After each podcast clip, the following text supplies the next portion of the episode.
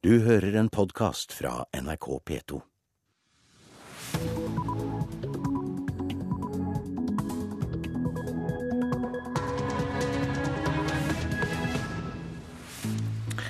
Da er klokka blitt eh, halv sju onsdag eh, 21. august. Tidlig innsats fra barnevernet skal redde flere barn fra overgrep.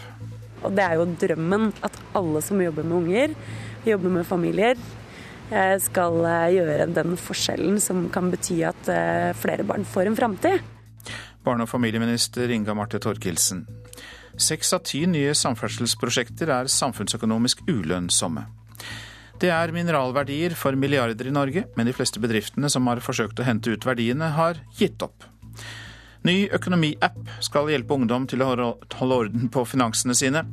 Og det er altså Venstres Trine Skei Grandes tur i partilederutspørringen om ja, 40 minutter her i Nyhetsmorgen.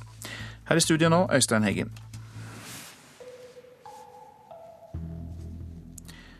Barnevernet flytter flere barn enn før bort fra familien. Det viser tall fra Statistisk sentralbyrå. Likevel ønsker barneministeren at de som jobber med barn skal bli enda flinkere til å se når barn ikke har det bra, og tørre å si ifra. 19 år gamle Karoline er glad helsepersonell sa ifra da hun ble utsatt for omsorgssvikt som liten.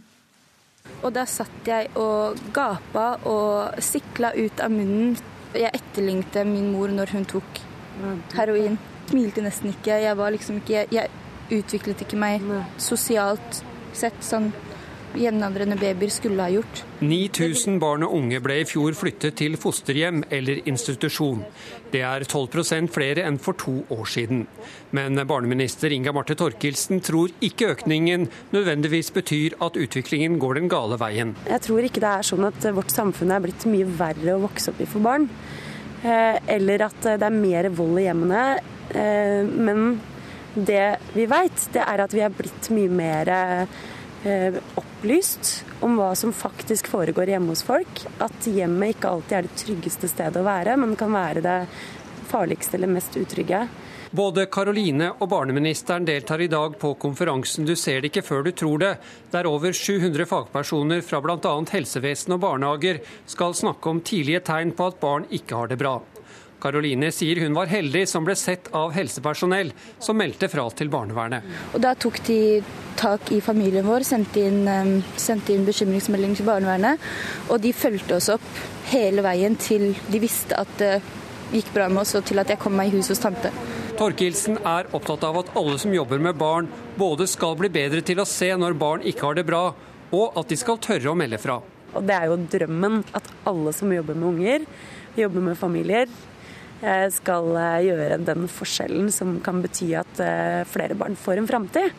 Karoline jobber i dag for at også andre utsatte barn skal få den sjansen hun fikk. Egentlig så burde det her være liksom hovedfokus i alle samfunn. At barn skal ha det bra. De fortjener det. Jeg har ikke gjort noen noe vondt. Og, altså, det er fremtidens kriminelle også, det er det som er så trist. Mm. Mm. At man må faktisk ta tak i det. Men det er mulig å gjøre en forskjell. Det er veldig, veldig mulig å gjøre en forskjell. Mm. Ellers hadde ikke jeg sittet her. Ja, det sa 19 år gamle Karoline. Reportere var Tom Ingebrigtsen og Silje Sande. Seks av ti vedtatte samferdselsprosjekter er samfunnsøkonomisk ulønnsomme. Det er større vei- og baneprosjekter som skal bygges de neste fire årene.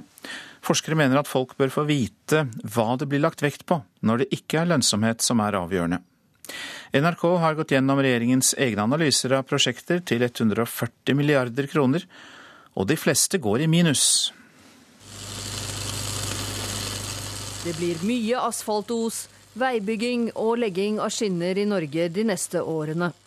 Men seks av ti større prosjekter for ny vei og bane som er vedtatt, er ikke lønnsomme. NRK har gått gjennom investeringene i Nasjonal transportplan. Av 30 vei- og baneprosjekter med prislapp over 750 millioner kroner gir 19 negativ samfunnsøkonomisk nytte. Det viser regjeringens egne tall. Og forsker Morten Welde ved NTNU sier samfunnsøkonomisk lønnsomhet faller i bytte med andre prioriteringer når samferdselsprosjekter vedtas.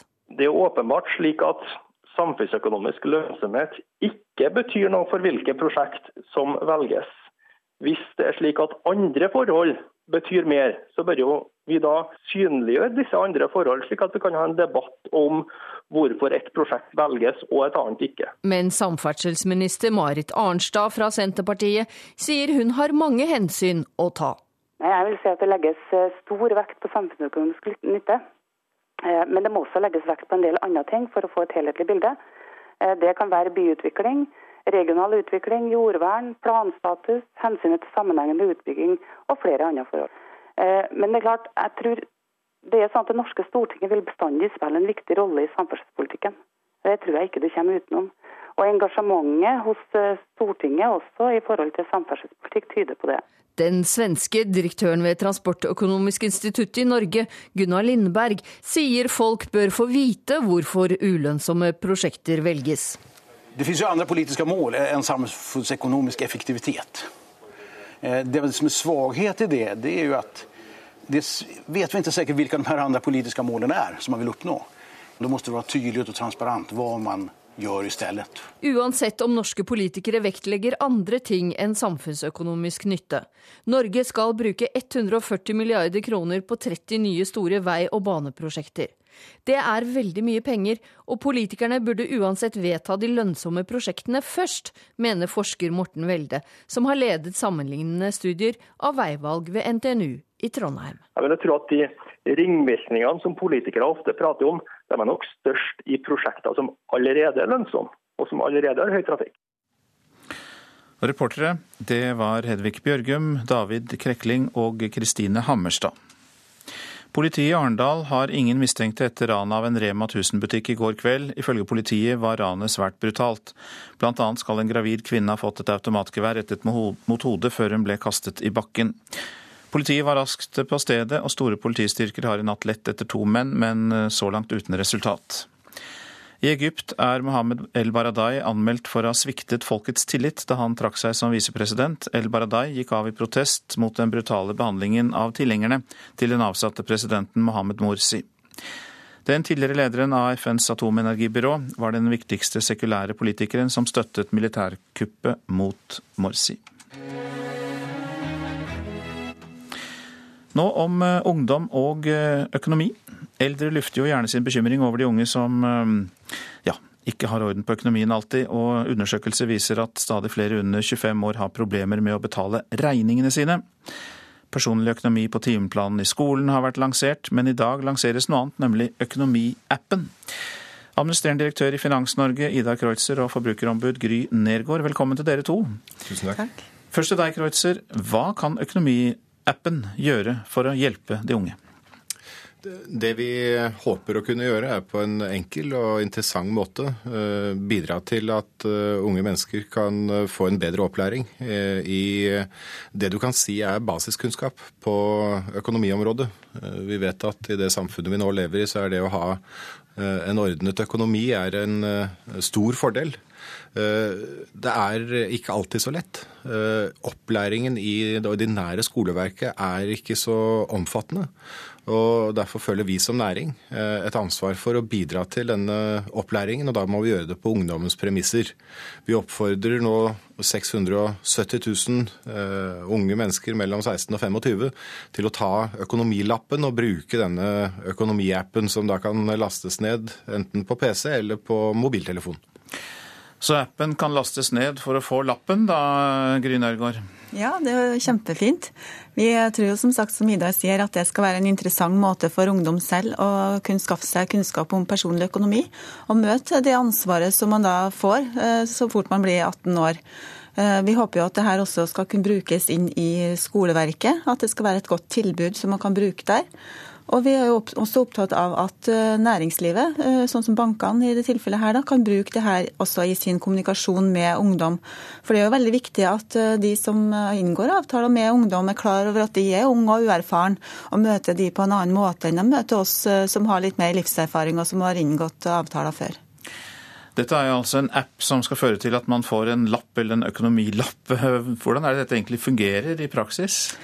Ja, man kan altså gå inn på, på nett eller på mobil eller det, altså det devicen som man har, og starte et uh, spørreprogram uh, hvor man uh, da får svaralternativ. og klikke av og se hvor mange retter man kan få av det, sånn som man kjenner igjen fra veldig mange andre konkurranser på internett. Mm. Sånn at vi tenker at formatet skal være veldig greit for, for ungdommene å forholde seg til. Kreutzer, eh, hvordan skal dere nå fram til ungdom og få dem til å virkelig eh, bruke denne her? Eh, vi gjør det på flere måter. Vi snakker med deg i dag. Eh, tusen takk for at vi fikk lov å komme. Eh, vi samarbeider godt med Forbrukerombudet, setter stor pris på det. Så er det utviklet et omfattende samarbeid med skoleverket. I løpet av det siste året så har 17 000 unge fått møte representanter fra finansnæringen, særlig fra lokale banker, som driver opplæring, svarer på, på spørsmål. Dette er et godt verktøy og virkemiddel å bruke i det arbeidet. Så eh, jeg tror nok det er riktig å si at eh, kontakten med skoleverket eh, og arbeidet gjennom skolen vil være viktig. Men vi vil også legge vekt på å få generell oppmerksomhet rundt dette. Og så håper vi jo at det funker sånn som det gjør på sosiale medier, at det blir en snakkis, og at dette er noe man har lyst til å gjøre. Gry Nergård, du i, som forbrukerombud er jo vant til å ja, holde folk som Ida Kreutzer litt i øra. Passe på at ikke finansnæringen farer for fort av sted for å mele sin egen kake. Opplever du at de nå spør jeg deg Nergård først, at de eh, har en sånn altruistisk holdning til dette her? At dette er noe de gjør for, et samfunn, for, for samfunnets gode? Ja, Vi opplever jo at eh, finansnæringa her med FNO i spissen har tatt eh, et veldig samfunnsansvar. Og er jo veldig glad for at de grep denne hansken som vi kasta ut eh, begjærlig for to år siden, om å virkelig ta ungdom på alvor. Og vi ser jo at det har hatt virkning. Vi ser jo at ungdom som er 18 år, blir innkalt til samtaler nå i bankene og gitt en personlig rådgivning og veiledning, og som ikke er salgsmøter nødvendigvis.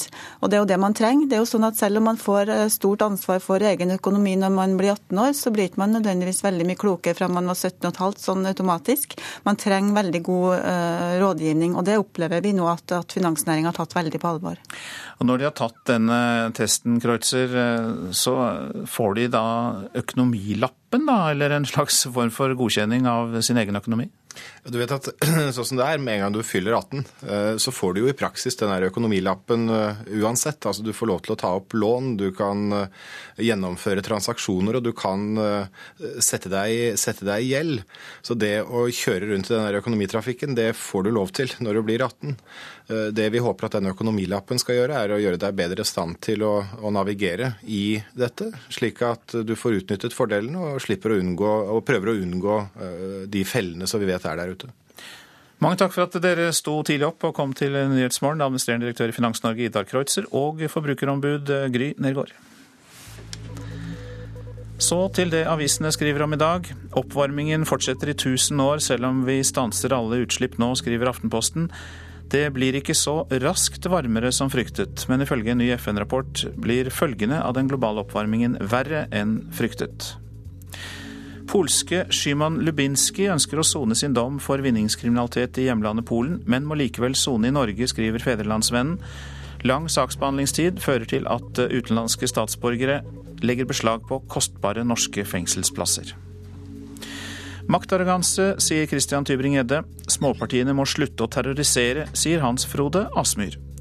De er blant eh, stortingsrepresentantene fra Fremskrittspartiet som reagerer på et felles utspill mot Frp fra lederne i Venstre og KrF i Dagsavisen i går. LO-toppen Jan Davidsen ber miljøvelgere droppe Miljøpartiet og stemme SV. Det skriver Klassekampen. Selv sitter Davidsen i Arbeiderpartiets sentralstyre. Det er strid om engler i vårt land. Miljøpartiets Øyvind Solum sa til avisa i 2007 at han har opplevd engler. Nå blir dette resirkulert på sosiale medier. Solum sier altfor mye blir lest ut av intervjuet. Tre av ti dropper ut av studiet. Norske studenter har et uryddig studieløp. Det er oppslaget i Dagens Næringsliv. 14-åring sporløst borte i en måned, skriver Bergens Tidende. Algeriske Hakim forsvant sporløst på vei fra Gardermoen til Bergen i juli. Siden har ingen sett ham. Ingen vet hvor mange mindreårige som er i samme situasjon, skriver avisa. Svindlet av falsk utleier, det skriver Nordlys. To unge menn betalte 10 000 kroner i husleie og flyttet inn i en leilighet i Tromsø. Dagen etter kom den egentlige eieren og kastet dem ut. Matindustrien refser Mattilsynet for forskjellsbehandling, skriver Nasjonen. NHO mener tilsynets kontroller gir tilfeldige utslag, og etterlyser at regjeringen tar grep. Åge er praktfull, og jeg elsker ham, sier Nora Brokstedt og gir Åge Aleksandersen både kyss og klem, gjengitt på Adresseavisens forside. Det skjedde da Nora Brokstedt, Anne Grete Preus og Lillebjørn Nilsen ble innlemmet i Rockheim Hall of Fame med et uh, storslagent show i Trondheim i går. Og så legger vi til at slanking og superferie er stikkord for førstesidene i VG og Dagbladet. Nå om alpinisten Kjetil Jansrud, som setter alt inn på å komme tilbake etter at han ble skadet i kneet. Jansrud håper god opptrening skal hjelpe ham å vinne renn igjen så fort som mulig.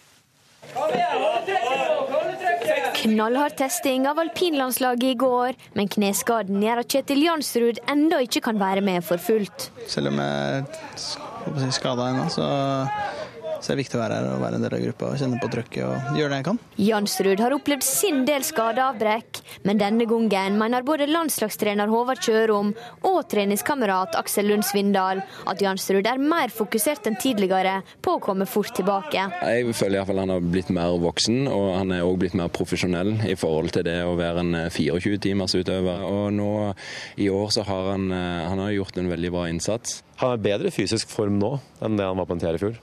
Jeg syns det lover godt. Jeg bare håper det kneet er så bra i Sør-Amerika nå at han kan kjøre på litt ordentlig hardt. Ja, Så er han tilbake før jeg vet ordet av det. Det er hyggelig å høre det. Eh, jeg håper jo det er rett. Kanskje vært hakket hvassere nå. Jeg, man kan jo alltid bli bedre. Eh, noen år eldre og mer erfaren og veit både hva som skal til, men nå hva hvordan man skal spille kortene sine etter en skade. Og har de rett og kne holder gjennom en tøff treningsleir i Sør-Amerika, vil ikke Jansrud avskrive sine egne vinnersjanser i verdenscup og OL. Jeg ser ingen til å være defensiv, men det er klart man må ta offensiv med, med forbehold. Da. Jeg har lyst til å, å vinne den, det er derfor jeg driver på meg. Derfor jeg står opp tidlig om morgenen for å få det kneet i orden og, og bli i god form. Eh, det er ikke bare for å være med. Ja, den som står opp tidlig for å vinne, det er alpinisten Kjetil Jansrud, og reporter det var Ingrid Brandal Myklebust. Klokka passerte nettopp 6.47. Dette er hovedsaker i Nyhetsmorgen. Tidlig innsats fra barnevernet skal redde flere barn fra overgrep. Det sier barne- og familieminister Inga Marte Thorkildsen. Seks av ti nye samferdselsprosjekter er samfunnsøkonomisk ulønnsomme. Nå straks som at det finnes mineralverdier for milliarder her i landet. Ja, i de norske fjell så er det anslått at det finnes mineraler til en verdi av over 1500 milliarder kroner, og det er særlig i de nordligste fylkene. Regjeringen har varslet en storsatsing på mineralindustri. Likevel så har de fleste selskapene som har latt seg lokke nordover, gitt opp. I dag er det bare ett prosjekt igjen, og det har håp om å komme i gang. Fullt av barnevogner i Kvalsund. Da er det liv. Da skjer det noe i bygda. Ikke som å sitte på Nav-kaffen og være verdensmester. Det går ikke. Faen, det er 70-80-åringer sitter der og prater. Nei, vi må få, få, få fart i bygda her. I kaffekroken på Posten i Kvalsund i Finnmark finner du ingen motstandere av ny gruvedrift. I likhet med kommunestyret tar selskapet Nussir imot med åpne armer. Kobber for 25 milliarder kroner ligger i bakken. Gevinsten er hundrevis av nye arbeidsplasser mot at gruveavfallet dumpes i Repparfjorden. Det er de der hyttekarene, de er jo imot. He? De er jo helt imot laksefiskere. De er imot alt sammen. Men de har ikke jobba, noen av dem som er imot der inne. Jeg vet ikke hva det er for noe, de bare hører på hva de andre sier. Sametinget og reindrifta ønsker å stoppe gruva i Kvalsund. I tillegg er det store bekymringer for fisken i fjorden. Nussir-direktør Øystein Russfeldt venter på Miljøverndepartementets endelige avgjørelse i saken. Regjeringas satsing på mineraler i nord har foreløpig ikke gitt noen gruve i drift. Last man standing. Så, så, vi er nå eh, det eneste prosjektet som reelt er i operasjon her i nord. Og Det betyr et enormt ansvar på at eh, vi må klare å lykkes, også for at det skal kunne bli noen andre aktiviteter i eh, framtida. Så, så, vi må gjøre ting så ryddig og skikkelig som det er mulig for oss å komme gjennom. Hvis ikke så er det jo ingen tvil om at Finnmark vil gå inn i en svært lang periode med, med null aktivitet på mineraler. FrPs førstekandidat i Finnmark, Jan Henrik Fredriksen, anerkjenner at alle skal bli hørt, men mener at det SV holder på med i regjering er noe helt annet. Det er en tragedie generelt eh, å ha SV i et miljøverndepartement. For det eneste de er ute etter, det er trenere. For det er ikke noe ønske i det partiet om å få etablert noe som helst mineralvirksomhet i Finnmark i det hele tatt. Fredriksen mener gruvemotstanderne må bøye seg for flertallets ønske om gruvedrift. Staten har bidratt med geologiske undersøkelser for sikkert 30-40 millioner kroner. Eh, og vi vet eh, at eh, Scandinavian Resources, Arctic Gold og store norske Gold har investert i Finnmark for 230 millioner kroner, for så å bli kasta ut av fylket. Og Det er klart det er tragisk, for vi trenger næringer, og vi trenger næringer som har muligheter til å kunne overleve i morgen. Andrekandidat for Finnmark SV, Jonny Ingebrigtsen, er enig i at staten har brukt for lang tid med Nussir-saken. Jeg skjønner de som tenker å bygge ut, men samtidig så må også de som ønsker å bygge ut, eh, ha forståelse for at vi er et demokrati i Norge. Alle parter skal bli hørt. Vi har høringsinstanser, vi har høringsrunder, og den prosessen må gå. Eh, men jeg skjønner det at, at det her, både for eventuell utbygger og også for de som måtte bli berørt av det, så må vi få en snarere avgjørelse på de her sakene. SV vil la oljen i Nord-Norge være i fred. Ingebrigtsen avviser at det samme gjelder for mineralverdiene. Det store spørsmålet det er hvordan skal vi utnytte dette her, og hvordan skal vi gjøre det.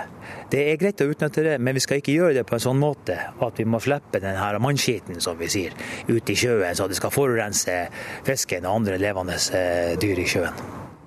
Tilbake i kaffekroken på Posten i Kvalsund, også kalt Nav-kafeen, er det stor tro på at kobbergruva igjen kan skape vekst i bygda. Vi vet jo at det blir arbeidsplasser. Det blir ringvirkninger, ikke minst. Ikke, ikke bare de arbeidsplassene der, men det får store ringvirkninger på alle slags vis. Vi kan ikke i denne kommunen leve av å klippe hverandre. Det er ingen som er blitt rik av det hittil. Ja, reporter på Nav-kafeen og ellers rundt omkring i Kvalsund, det var Robin Mortensen. Mange kulturpersonligheter vil fortsatt ha en rød-grønn kulturpolitikk. Før forrige stortingsvalg mobiliserte kulturlivet bredt mot Fremskrittspartiet. I dag lanseres initiativet på nytt, og til nå har nærmere 300 personer fra norsk kulturliv skrevet under. Dette oppropet altså for en fortsatt rød-grønn regjering. Når man ser hva som er alternativene, hvor man på den ene siden har et alternativ som vil kutte i kulturbudsjettene, og det andre alternativet er et alternativ som vil styrke kulturbudsjettene, så skulle det være forholdsvis enkelt for den som har et kulturpolitisk hjerte, å gjøre et valg. Arnfinn Bjerkestrand, til vanlig nestleder i Kulturrådet, mener det nå er på tide at kulturlivet blir hørt i valgkampen. Derfor står han bak oppropet Kulturkampen. Det tar til orde for mer rød-grønn kulturpolitikk og advarer mot å la Framstegspartiet få fingrene i kulturbudsjettet. Så, så klart da som skillelinjene er i da norsk kulturpolitikk, så skulle egentlig valget være ganske enkelt for norske kunst- og kulturarbeidere. Dette er jo et skrik vi hører hvert eneste valg. Forlegger Arve Juritzen er derimot lite begeistra for de rød-grønne sin kulturpolitikk. Spesielt er han mot bokloven. Hvis det er flott at vi nå får eh, kulturlivet opp i eh, valgkampen, det ligger altfor langt nede. Eh, men jeg tror vi skal ta oss tid til å lese de forskjellige programmene og se hva de forskjellige partiene har å tilby. Det er mer differensiert enn dette.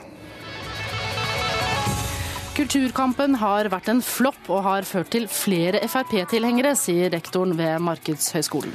Også ved førige stortingsvalg sto Bjerkestrand bak et opprop for fortsatt rød-grønn kulturpolitikk. Det er nå det gjelder, og det er nå forskjellene kommer tydeligere tydeligere frem. Denne gangen har Gøril Mauseth, Agnes Kittelsen, Roy Jacobsen, Sven Nordin og 293 andre aktører fra kulturlivet blitt med. Men de borgerlige tar kritikken med stor ro. Vi er opptatt av en kultur som vokser nedenifra mer enn en kultur som styres ovenifra. Det gjelder både Olemic Thommessen i Høyre og Ib Thomsen i Frp.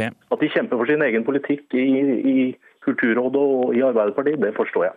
Men jeg forstår ikke at de ikke vil endre bokloven så det blir billigere bøker, eller som Frp har foreslått på Stortinget, at vi skal sende mer kulturkroner ut i kommunen. Men dette handler ikke om parti, men om et engasjement for god kulturpolitikk, mener initiativtaker Bjerkestrand. Dette er et tverrpolitisk initiativ som først og fremst handler om kulturpolitikk. Kulturkampen er bredt anlagt og er ikke partipolitisk avhengig. Reporter her, det var Sondre Bjørdal. To av Norges fremste ordkunstnere samarbeider nå for første gang. Rappartist Lars Vaular og forfatter Frode Grytten står sammen om bestillingsverket til Periferifestivalen på Sotra til helgen. Og det kan rett og slett bli hva som helst. Det som er bra med Lars, er at han har jo et fantastisk band da, som er i stand til å gjøre hva som helst. Så det tenker vi å gjøre hva som helst. Mm. Helst. Helst hva som helst skal vi gjøre. Hvis du har en ting, så kan jeg gjøre ting klart ved timens slutt. Bare gi meg lyden. Det er muligvis nå en skal tillate seg å si 'endelig'. For er det ikke egentlig på tide at to av Norges fremste ordkunstnere finner på noe sammen? Det syns jeg er stas. Jeg kjenner godt uh, hva han har gjort uh, tidligere. Nå... Frode Grytten, forfatter, født i 1960. Brage- og Riverton-prisvinner, språkprisvinner og mye mer. Det liker veldig godt uh, det han har gjort. og det er gøy å jobbe med sånne. Lars Vaular, rappartist, født i 1984, flerfaldig Spellemannvinner, dialektprisvinner osv.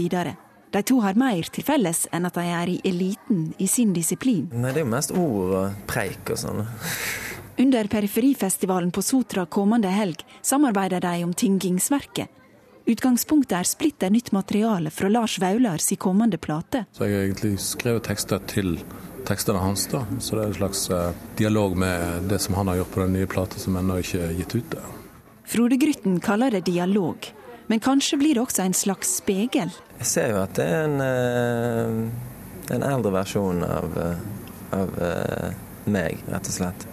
Det er jo en ung mann der inne. Jeg føler det.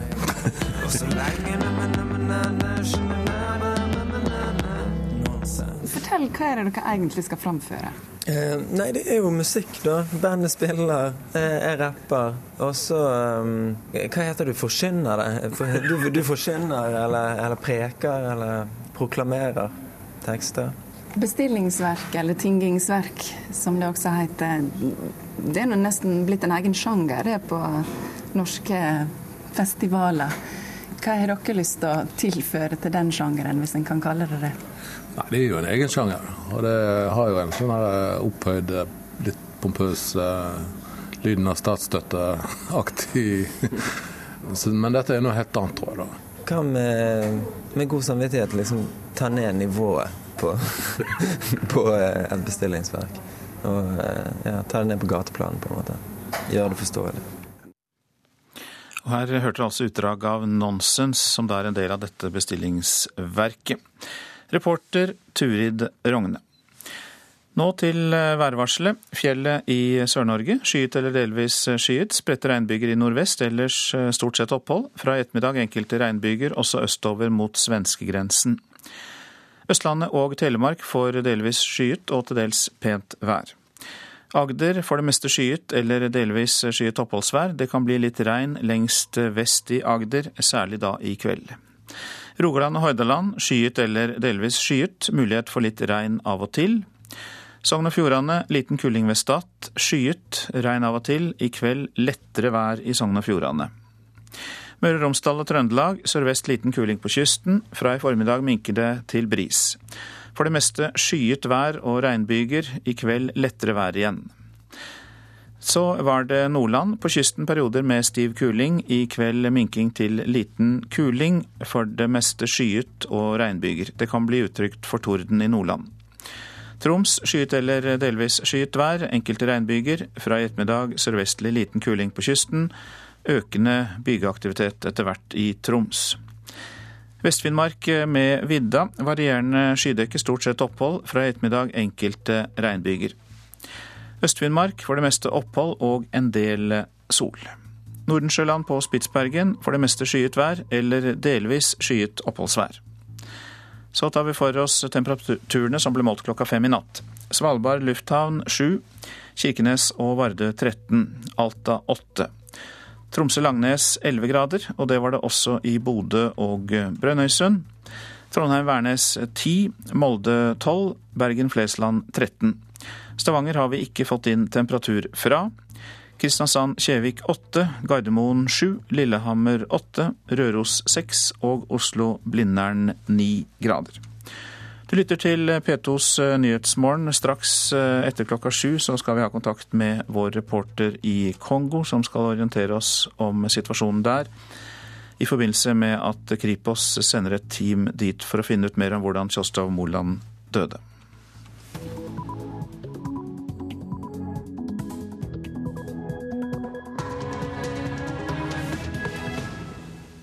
Klokka er blitt eh, sju. Du lytter til P2s Nyhetsmorgen med Øystein Heggen i studio.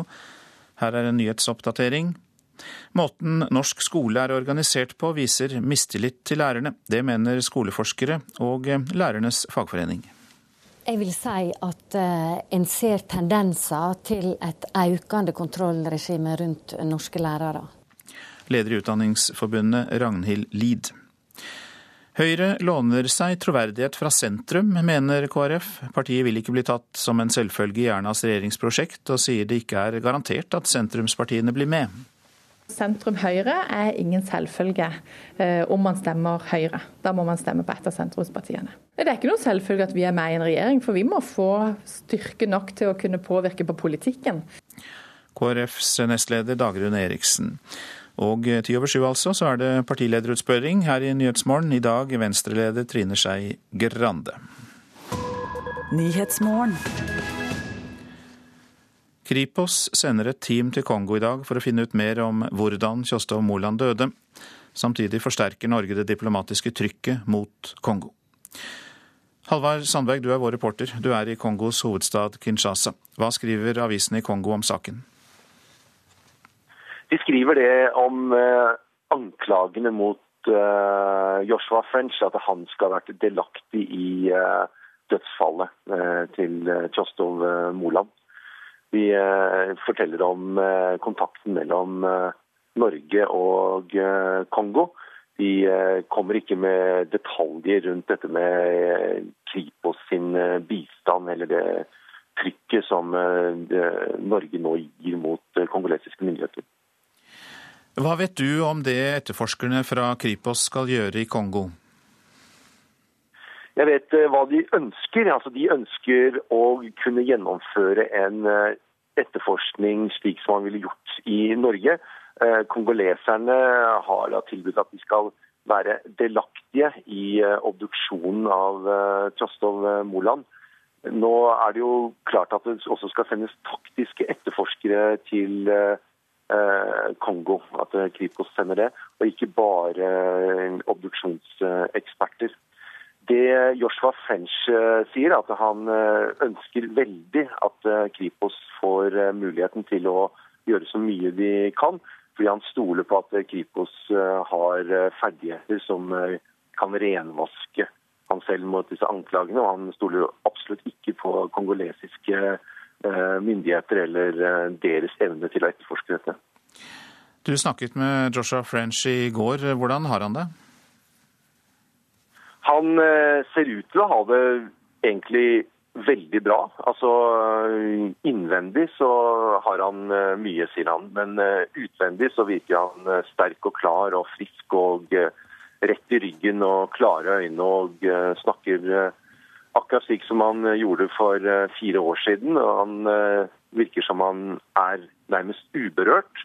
Og når jeg spør han om hvorfor virker du så uberørt over det som har skjedd, så svarer han at han har nå mental trening i å takle veldig vanskelige situasjoner. Og han har det heller ikke for vane å vise følelser for, for fremmede, altså folk utenfor sin egen familie. Og så sier han også at han han har ikke fått tid til å gjennomgå dette helt, og at det kanskje kommer eh, senere. Kort til slutt, Halvard Sandberg. Diplomatiske framstøt, er det noe der? Det foregår jo mye både fra Norge og eh, fra Storbritannia. Nå skal jo en, eh, det som kalles en erfaren norsk diplomat sendes ned til Kongo. Allerede i går så ble Utenriksdepartementets lag her forsterket med den nestkommanderende fra ambassaden i Luanda. Så det er helt klart at uh, Norge satser ganske tungt for å få uh, løst denne saken. Takk skal du ha, Halvard Sandberg, som rapporterte fra Kinshasa i uh, Kongo. Nå til norsk skole, for måten den blir styrt på uttrykker mistillit til lærerne. Det mener både forskere og lærernes fagforening. Den norske læreren yter en stor mistillit i systemet. Vi har fått ei auka sentralisering. Sier forskerne. En ser tendenser til et økende kontrollregime rundt norske lærere. Sier lærerne. Forskerne først. Pedagogikkprofessor Peder Haug ved Høgskolen i Volda mener norske lærere har mista makta, og at skolen er blitt sentralisert. Vi har fått ei auka sentralisering av uh, si, utviklingsarbeidet knytt til skolen. Han mener politikere, og særlig Utdanningsdirektoratet, nå styrer for mye av utviklinga i den norske skolen. Og Da blir dette systemet styrt mer og mer sentralt fra. Og Erfaringsmessig så er sentralt styrte reformer svært kompliserte å få eh, realisert lokalt. Har det blitt mer sentralisering i skolen under den rød-grønne regjeringa? Det er min oppfatning at det har blitt.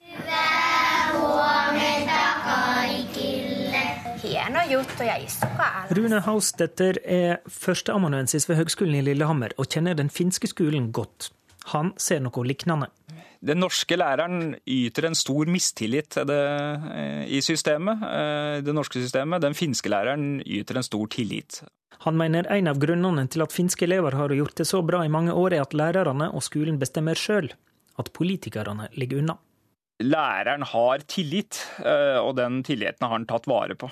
Karakterer er ett eksempel på det. Et hett politisk tema i Norge. I Finland nesten avpolitisert. Mange barneskoler gir karakterer helt fra skolestart, men blir ikke bestemt av sentrale styresmakter. De har heller ikke sentralt bestemte nasjonale prøver på måten vi har det. Politikken bør stoppe jeg holdt på å si, ved, ved skoleporten. Mener leder i lærernes største fagforening, Utdanningsforbundet, Ragnhild Lid. Hun mener nasjonale prøver, politisk vedtekne tester og andre vedtak om hvordan lærerne skal jobbe, er et problem. Hun vil ha mer fridom for skolen. Så har de norske lærerne stor tillit fra foreldre og fra elever. Og det er veldig viktig. Men samtidig så ser vi altså at vi har et system som i mindre grad gir lærerne tillit. Kunnskapsminister Kristin Halvorsen sier sjøl at hun er kritisk til en del kommuner som vedtar flere tester. Men et stort sentralt maktapparat som styrer skoleutviklinga, er det hun som har ansvar for. Hun innrømmer at det kan være et dilemma. Det som hele veien er en utfordring, det er på hvilken måte man skal ha tilsyn med skolene. At de følger opp det som er nasjonalt eh, lovverk og elevenes rettigheter. Og hvor mye handlefrihet som skal være på den eh, enkelte skole. Reporter Håvard Grønli. Erna Solberg låner troverdighet fra Venstre og KrF i valgkampen. Det sier KrFs nestleder Dagrun Eriksen. Hun mener Høyre må tørre å snakke om en topartiregjering med Høyre og Frp etter valget. For det er ikke garantert at sentrumspartiene blir med. Men de låner også en del troverdighet fra Venstre og KrF. KrF-nestleder Dagrun Eriksen om lånt troverdighet, om bistand som eksempel, når Erna Solberg sier hun ikke vil kutte. Eh, jeg syns det er hyggelig når Erna sier at de vil øke bistanden eh, i partilederdebatten på NRK. Bør bistanden eh, økes eller reduseres? Det viktigste er at kvaliteten på bistanden er god. Og så er vi for å øke bistanden, så lenge vi kan garantere at kvaliteten er god. Og så vet vi at de har gjort motsatt i, i i Stortinget. Men allikevel så får hun troverdighet på det, fordi at hun vet at hvis KrF og Venstre blir med, så vil vi jobbe for å få det til. Men, og det er mitt poeng, det er jo ikke en selvfølge eh, at det faktisk skjer. Eriksen mener en Høyre-Frp-regjering vil få et annet utgangspunkt, at Høyre derfor må se velgerne i øynene og snakke om at Høyre-Frp er en mulighet. Det regjeringsalternativet snakker Solberg aldri om. Eh, og sentrum Høyre er ingen selvfølge eh, om man stemmer Høyre. Da må man stemme på et av sentrumspartiene. Det er ikke noe selvfølge at vi er med i en regjering, for vi må få styrke nok til å kunne påvirke på politikken. Alle ønsker å samarbeide med oss, og vi ønsker å samarbeide med alle. Det er et naturlig utgangspunkt for at vi også blir sentrum. Erna Solberg forstår ikke KrF-utspillet. Jeg vet ikke om troverdigheten deres er på lån. Eh, de har sagt ja til Eh, å støtte en borgerlig regjering fordi de mener at det er behov for et skifte. Tyngdepunktet i det er faktisk Høyre og Høyres politikk, men vi mener jo at alle fire partier skal være med å påvirke politikken, uansett hvem som ender opp med å sitte i regjering. Og eh, Høyre og KrF møtes til debatt om dette i Politisk kvarter kvart på åtte her i Nyhetsmorgen. Reporter var Lars Nehru Sand. Mandag, onsdag og fredag er det partilederutspørring her i Nyhetsmorgen. Og nå, i dag, til venstreleder Trine Skei Grande. Og eh, programleder for utspørringene, det er Sigrid Solund. Ja, velkommen til utspørring her i NRK, Venstre-leder Trine Skei Grande. Tusen takk for det. I Dagsnytt i dag sier altså KrFs nestleder Dagrun Eriksen at Høyre ikke kan ta støtten fra KrF og Venstre som en, for en selvfølge ved borgerlig valgseier, men at Erna Solberg må si høyt at en regjering med Høyre og Frp godt kan bli en realitet. Er du enig? Enig i at eh, hvis sentrumspartiene får være med og danne en regjering, så blir det en annen politikk enn hvis det blir bare Høyre og Fremskrittspartiet. Og hvis folk er opptatt av å ha en grønnere politikk, en sterkere satsing på bistand og fokus på læreren i norsk skole, så må de stemme på de partiene de er mest enig med. Og jeg tror jo at folk flest, hvis de har fått valgt, hadde ville ønska seg en sentrum-Høyre-regjering. Vi kan komme tilbake til dette, men først skal vi snakke litt om Venstres politikk. En av hjertesakene deres er en mer liberal asylpolitikk. Dere har tatt til orde for å hente det tolv år gamle asylbarnet Neda Ibrahim, som ble kastet ut med tvang i juni, tilbake til Norge. Hvorfor vil dere det? Det er mange ting i norsk asylpolitikk som vi er veldig enige om alle partiene på Stortinget. Men det er to områder som vi i Venstre har løfta som vi er uenige i. Og en av de områdene er måten vi behandler lengeværende barn på. Og at de ikke blir vurdert som egne individ, men bare som en pakkefølge til sine foreldre. Eh, så vi mener at dette var en veldig viktig symbolsak som viser hvor feil den politikken har slått. Men grunnen til at vi har havna i problemet, er jo at vi ikke behandler asylsøkerne mye kjappere, søknadene. Og da havner vi i det problemet med at unger slår rot, og at unger hører til i Norge. Men du sier det er en symbolsak. Hvor mange andre skal dere hente ut av de 43 andre barna som også ble sendt ut med tvang i juni? Jeg mener at unger må få vurderes som enkeltindivid. Vi mener ikke at det er sånn hvis du har vært så og så lenge i Norge, så skal du automatisk få opphold. Det mener jeg ikke riktig. Men jeg mener at hvis ved en treårsgrense, så må det vektes nærmere med de barna. Det, og det, er klart, ja, Nei, det det handler om er at vi i Norge, det er en annen svakhet ved asylsystemet vårt. Vi evaluerer aldri hvordan det går med dem vi sender tilbake, om det var en riktig vedtak eller ikke. Eh, og jeg mener at eh, man kan, kan gå inn og se på hvilke Vi må, bør evaluere asylpolitikken vår om den, de vedtakene vi gjør er riktige eller ikke. mange tilfeller er det det. Men her ser vi da en unge som blir sendt tilbake til et land man ikke hører hjemme. Og da mener jeg at det, eh, det gjorde vi når vi satt i Bondevik, Bondevik I-regjeringa. Henta vi hjem noen som vi mente var feil vedtak på. Men Betyr det at dere skal gå gjennom alle sakene og se hvor mange dere, barn dere skal hente til, tilbake til Norge? Jeg tror at vi har mer enn nok med å sørge for at vi får en ordentlig behandling av dem som er her Men i dag. Hvorfor skal dere da akkurat hente tilbake henne og ikke de andre? Det er fordi at vi ser at dette var en, en, en sak der vi barnets beste virkelig ikke var tatt på alvor. Men vet dere at det var verre enn de andre, da, eller var det bare det at hun kom i media?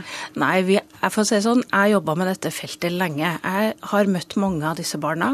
Eh, jeg vet at noen vedtak er rett, eh, fordi at det faktisk bygger på, bygger på en annen eh, virkelighet enn det av og til media får fram. Men noen gang så syns jeg det er viktig å sette foten ned og si at nå har vi gjort noe galt, og da må vi ordne opp for oss. Så det var et symbol at dere skal hente henne da? Nei, det var var ikke et symbol, men var, jeg vil ikke avvise at, at, vi aldri skal hente noen andre heller. Men jeg mener at, at politikere må også kunne stå for at gjør, når en stat har gjort noe feil, så må vi kunne gjøre det bra igjen. Dere vil altså at lengeværende barn som hovedregel skal få bli dersom de har oppholdt seg i Norge i tre år eller mer eh, uten å sette noen sånn absolutt grense. Hvordan skal dere unngå at foreldrene bruker barna for å få bli i Norge? Beste måten å unngå det på, det er å sørge for at du får rask saksbehandling og rask uttransportering. Derfor har Venstre mye, eh, lagt inn mange millioner mer på uttransportering i våre alternative budsjett.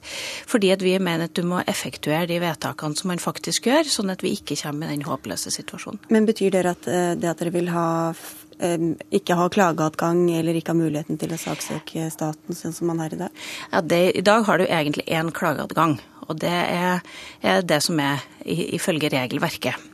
Eh, men det som vi ønsker oss, er at du kanskje har bedre juridisk bistand når du ankommer landet. Da er det mange som har fått beskjed av menneskesmuglere hvilke historier de skal legge fram.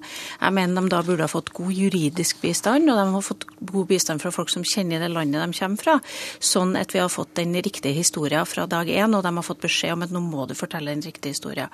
Jeg mener at du kan behandle en asylsøknad på ca. tre måneder. Da får du en rask avklaring, og så kan du effektuere det vedtaket fordi at rettssikkerheten er god i den prosessen. Dere vil også la asylsøkere skifte kø fra søknad om asyl til søknad om opphold hvis de har fått arbeid. Hvordan skal du unngå at mange flere kommer hit, søker asyl, for så å hoppe over til eh, jobbkøen og søke om oppholdstillatelse på den måten? Nei, I Norge så trenger vi desperat arbeidskraft på veldig mange områder. Eh, det, det vi trenger er gode fagfolk som kan de yrkene de har. Eh, og jeg mener at litt av problemet i Norge i dag det er at det blir veldig stort press på asylinstituttet, mens folk egentlig burde ha søkt om, om arbeidsinnvandring fordi at de kan komme og jobbe og bidra i Norge. Men kan det uthule asylinstituttet å gjøre det på den måten? Nei, i dag uthuler det asylinstituttet at du ikke kan gjøre det. Det uthuler asylinstituttet, for det betyr at veldig mange presser på for å få asyl, når de egentlig burde ha sagt at jeg har lyst til å ha en framtid i Norge og har lyst til å jobbe og bidra. Hvis dere vil bruke meg, så er jeg her. Klima er en annen av hovedsakene deres. I dag skriver Aftenposten at utkastet til den siste rapporten fra FNs klimapanel viser at de er enda sikrere på den menneskelige påvirkningen, og at konsekvensene ser ut til å bli verre enn de har ment før. Med det i mente, hvor fort vil dere trappe ned på norsk olje- og gassvirksomhet? Ja, Det første vi må gjøre, er at vi ikke må bore i Lofoten, Vesterålen og Ytre Senja. Eh, og de andre sårbare områdene. Eh, så det er ikke et klimaperspektiv, da? Nei, det er egentlig ikke et klima. Det er egentlig et naturvern- og fiskeriperspektiv på, på de, de, områdene. Eh, og så tror jeg at vi må, vi må trappe ned gradvis, og så må vi sørge for at vi gjør den oljeproduksjonen vi har minst CO2-utslipp fra. Og det gjør vi f.eks. med å elektrifisere sokkelen. Det gjør vi også med å eh, sørge for at du får en mye mer miljøvennlig produksjon. Det er ikke produksjonen som er hovedproblemet heller i et klimaperspektiv? Nei, men det er også mange andre produkter du kan lage av olje og gass som du også kan gjøre på en mer miljøvennlig måte. Men jeg tror jo at dette kommer til å trappes ned av naturlige grunner. For med den enorme satsinga du ser rundt omkring i verden på alternative energikilder, sjøl Kina og de andre landene som du bruker som skrekk, skrekkbilder på, på CO2-utslipp, gjør jo en kjempeinnsats på dette, noe som fører til at norsk olje kommer til å bli mye mindre verdt framover. Men hvis det ikke slår til med det første, da, hvor mye bør Norge la, la olje og gass ligge, og, og innenfor hvilket årsperspektiv? Jeg tror at vi må, må begynne på med en nedtrapping nedtrapping. Men jeg tror nok at Norge kommer til å produsere olje og gass ganske langt framover, fordi vi også trenger andre produkter. Vi trenger også, kommer til å trenge plast framover, selv om det skjer mye spennende når det gjelder plast i, i produksjonen av andre deler òg. Jeg kikka på det i forhold til trevirke og plast her i sommer. Så, så jeg tror at uh, dette kommer til å være en, en, logisk nedtrapping. Vi har ikke akkurat sagt noe hvilket år. Vi har ikke gjort som Miljøpartiet De Grønne har sagt at innen sju år skal alt være bort. Det tror jeg ikke er realistisk. Du skal også omstille norsk næringsliv. Det kommer til å bli en kjempejobb.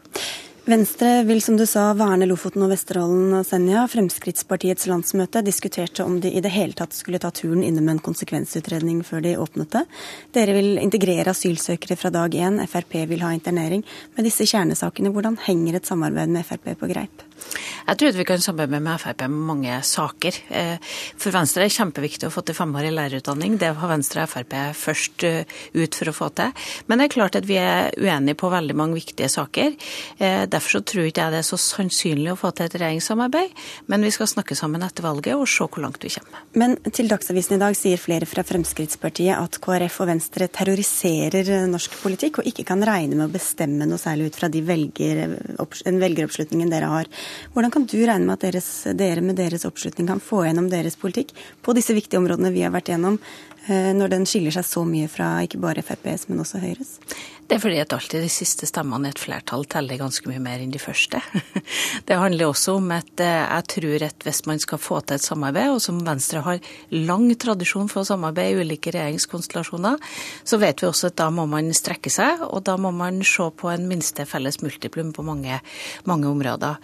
Vi har visst det at hvis en regjering som lener seg mot sentrum, har mye større levedyktighet enn en regjering som lener seg mot ytterkantene i politikken. Og så syns jeg at man ikke skal være så utrolig arrogant overfor velgere at man vet hvilket resultat dette kommer til å ende med. Jeg tror det er veldig mange som ønsker en sentrum-høyre-regjering, og da skal vi bruke de siste tre ukene på å fortelle at da må de stemme på Venstre og KrF. Ja, så flere stemmer til Venstre vil Venstre større, større tyngde, altså. Ja. Men, men, hvis det blir motsatt, da, hvis dere ikke kommer så høyt opp, betyr det at det er Fremskrittspartiet som skal få bestemme på asyl- og innvandrings- og klimapolitikken? Ja, Hvis det blir et rent blå-blått flertall, så har ikke Venstre og KrF noen mulighet for å presse gjennom. Så det er det folket som ikke, velger. Snakker ikke om flertall her, da, men, men, at dere sammen Dere trenger hverandre, men at dere ikke får så høy oppslutning? Jeg kan nok love deg at den regjeringsforhandlinga blir en ordentlig catfight, og vi skal kjempe for, eh, for Venstre sine standpunkt på alle områder. Og vi har prøvd dette mange ganger før. Jeg kan si at jeg har min politiske fortid i Oslo. I Oslo har vi hatt borgerlig flertall siden begynnelsen på 90-tallet. Eh, vi har klart å funne ut av det eh, veldig mange ganger siden da. Vi har også hatt et Frp som har sagt det samme som de sier nasjonalt i Oslo. Nå har vi et, eh, et borgerlig byråd med Kristelig Folkeparti, Venstre og Høyre. Så du tar ikke Fremskrittspartiets garantier for god fisk? Jeg vet at når man kommer til politiske hverdager, så må man velge, og da må man velge mellom alternativ. Og jeg merker meg at i Oslo så har et borgerlig flertall klart å holde makta helt siden begynnelsen på 90-tallet, gjennom at vi har forhandla og vi har pruta og vi har klart å få til utrolig mye bra for byen. Men kan du skjønne velgere som har lyst til å stemme på Venstre, men som kvier seg fordi de er redde for å gi Fremskrittspartiets makt av politiske årsaker? Jeg møter jo dem på stand rundt omkring, og det jeg sier til dem da, det er at hvis man ønsker å gi Venstre mer makt, hvis man ønsker en sentrum-høyre-regjering, så må du stemme på sentrum. Det er den største sikringa. Men for, forstår du den bekymringa deres? Ja, men vi kommer til å få et regjeringsskifte. Men forstår du bekymringa som du sier at du opplever? Ja, det er derfor jeg snakker ordentlig med dem. Det er derfor jeg prøver å gi dem svaret. Og det er klart at i Norge så må alle samarbeide for å få til klare flertall, for å få til budsjetter. Og vi er, vi er sju partier på Stortinget i dag. Vi kan ende med at vi blir ni partier på Stortinget etter, etter valget. Det å gå rundt og tro at vi kan være edle og ikke samarbeide med noen og komme i mål, det tror ikke jeg noe på. Vi må samarbeide, men det som jeg skal være sikker på, det er at Venstre kommer til å kjempe for sin grønne og liberale politikk, sånn at den regjeringa blir mest mulig grønn og liberal. Vi prøver oss med en kjapp runde om arbeidsliv og skatt. Hvilke følelser vekker jeg i deg når jeg sier LO? Jeg, syns det har vært tøft. Et LO har drevet sånn kampanje mot Venstre, men jeg skjønner jo at sist så kom Venstre under sperregrensa. Hadde, hadde vi ikke gjort det, så hadde de mista makta si. Så, så, så jeg skjønner jo et irritasjon. Den kvalmen handla nok om at jeg blir veldig lei meg over å ha fagforeninger som ikke bryr seg om dem som ikke har sosiale rettigheter, nemlig små næringsdrivende. Dere vil redusere sykelønna for korttidsfravær og øke den for langtidssykemeldte og uføre. Hvor mye skal sykelønna ned for korttidsfraværet? Ja, Vi har ingen endringer i sykelønn i, i vårt eh, vårt program, så jeg vet ikke hva du Dere vil utrede det eller se på det? Jeg vet, Vi må se på ordninga spesielt i forhold til arbeidsgiver sin andel. Og det handler om at i dag er det ingen incitament for arbeidsgiver til dem som er langtidssykmeldt for å få dem tilbake igjen. Derfor har vi lyst til et skifte når det gjelder arbeidsgiver sin andel av betalinga. Så det betyr ikke noe for, for arbeidstaker, men for arbeidsgiver så er det i dag veldig dyrt å ha korttidsfravær, veldig billig å ha langtidsfravær. Vi vil utjevne den forskjellen, sånn at det blir stimuli til arbeidsgiver for et folk som er langtidssyke. Bør de som regnes som slitere tape mer på å gå av når de er 62 år enn det de gjør i dag? Jeg mener at vi skal ha et skattesystem, og vi skal ha alle andre system som gjør det mest mulig lønnsomt å stå lengst mulig i jobb. Dere vil redusere og på sikt fjerne formuesskatten. Er det greit hvis det fører til at det blir rike nullskattytere i Norge? Jeg mener at det viktigste med å fjerne formuesskatten handler om norsk eierskap. Det skal lønne seg å være norsk eier. Venstre er et liberalt parti som setter personlig frihet høyt. Hvor mener dere grensa bør gå for hver enkelt menneskes frihet? Det er når den friheten innskrenker andres frihet. Men vi står i en sosialliberal tradisjon, og det handler om at også det å bygge sterke fellesskap er viktig for å også bygge frihet. Vi kan ta tak i noen eksempler og problemstillinger. Venstre er bekymra for bruken av tvang i psykiske helsevernet og vil ha mindre tvangsbruk. Hvilke flere muligheter enn i dag bør psykisk syke ha til å motsette seg behandling eller tvangsbehandling? Ja, det vi ser på bruken av tvang som er ganske interessant, det er de institusjonene som har god skolering, gode fagfolk og også egen skolering i menneskerettigheter, har nesten ikke bruk av tvang. Mens institusjoner med mange ufaglærte og sånn bruker masse tvang. Så egentlig så er det beste virkemidlet mot tvang å sørge for å ha gode fagfolk rundt dem som har psykiske plager. Men dette handler jo ikke bare om tvangsbruk på institusjoner, men også om tvangsmedisinering, tvangsinnleggelse. Og i en del situasjoner må pårørende bare se på mens den de er glad i kutter ut eh, medisinering, vil ikke ha behandling. Hvor viktig er det å ha den friheten også for psykisk syke mennesker, selv om den friheten gjør dem sykere? Jeg tror at det er viktig å ha en tvangsparagraf nettopp for det du sier. Eh, for at av og til må du f.eks. medisinere, sånn at folk får også kontroll på livet sitt. Derfor er ikke vi for å fjerne paragrafen, men vi er for alle de andre virkemidlene som får ned tvangsbruk. Vi har altfor mye tvang, og det er også veldig mange som blir syke pga. tvangsbruken. Og jeg tror at mange av oss lett kan sette oss inn i at vi hadde ikke fiksa og blitt så pressa som det er mye av tvangsbruken vi ser i psykiatrien i dag. Og Hvis vi ikke tar det på alvor, så tror jeg vi lager flere syke. Halvparten av dem som blir drept i Norge er i familie med gjerningsmannen, og i 44% av disse tilfellene har pårørende vært i kontakt med hjelpeapparatet i forbindelse med gjerningsmannens psykiske helse. Hvordan vurderer dere hver enkelts frihet opp mot samfunnets behov for beskyttelse? Jeg tror veldig mange av de eksemplene vi ser der, så er det ikke tvangsbruk som er utfordringa, det er helt andre ting som er utfordringa. Eh, og vi ser at eh, veldig mange av de f.eks. partnerdrapene vi har, også vært knytta til psykiske plager, men som har kommet ut av det blå. Der vi ikke har sett f.eks. menn som eh, sliter, og som ikke finner ut at de kan få hjelp noe annet sted, og som ender i, i partnerdrap og sjøldrap. Dette er det forska veldig lite på. Eh, jeg skulle ønska meg at vi har forska mer på det. Vi har tatt initiativ i Stortinget for at vi burde ha forska mer på spesielt det med partnerdrap. Men, men, tror du ikke at en del av de tilfellene ville i tidligere år eh, disse menneskene vært tvangsbehandlet? Ja, det er det ingen grunnlag for å si. Veldig mange av de partnerdrapene som skjer, skjer... Ikke, var ikke partnerdrap nødvendigvis jeg snakket om? Nei, men, mm. men, veldig mange av de drap som skjer i, i nære relasjoner, skjer også fordi at det kommer uh, veldig uventa på dem rundt, og fordi at vi ikke har en åpen nok kultur i Norge for å snakke om psykisk psykiske plager, og for å be om å få hjelp. Og veldig mange har kanskje ikke snakka om de problemene de har, før vi ser sånne grusomme ting skje. Et annet politikkområde der dere vil ha mer personlig frihet, er i alkoholpolitikken. Dere vil tillate vin i butikk, fjerne statlige begrensninger på skjenketider, tillate alkoholsalg og servering flere steder enn i dag. Hvorfor veier økt tilgjengelighet for dere tyngre enn negative konsekvenser, som avhengighet, økt vold og verre forhold for barn og misbrukere?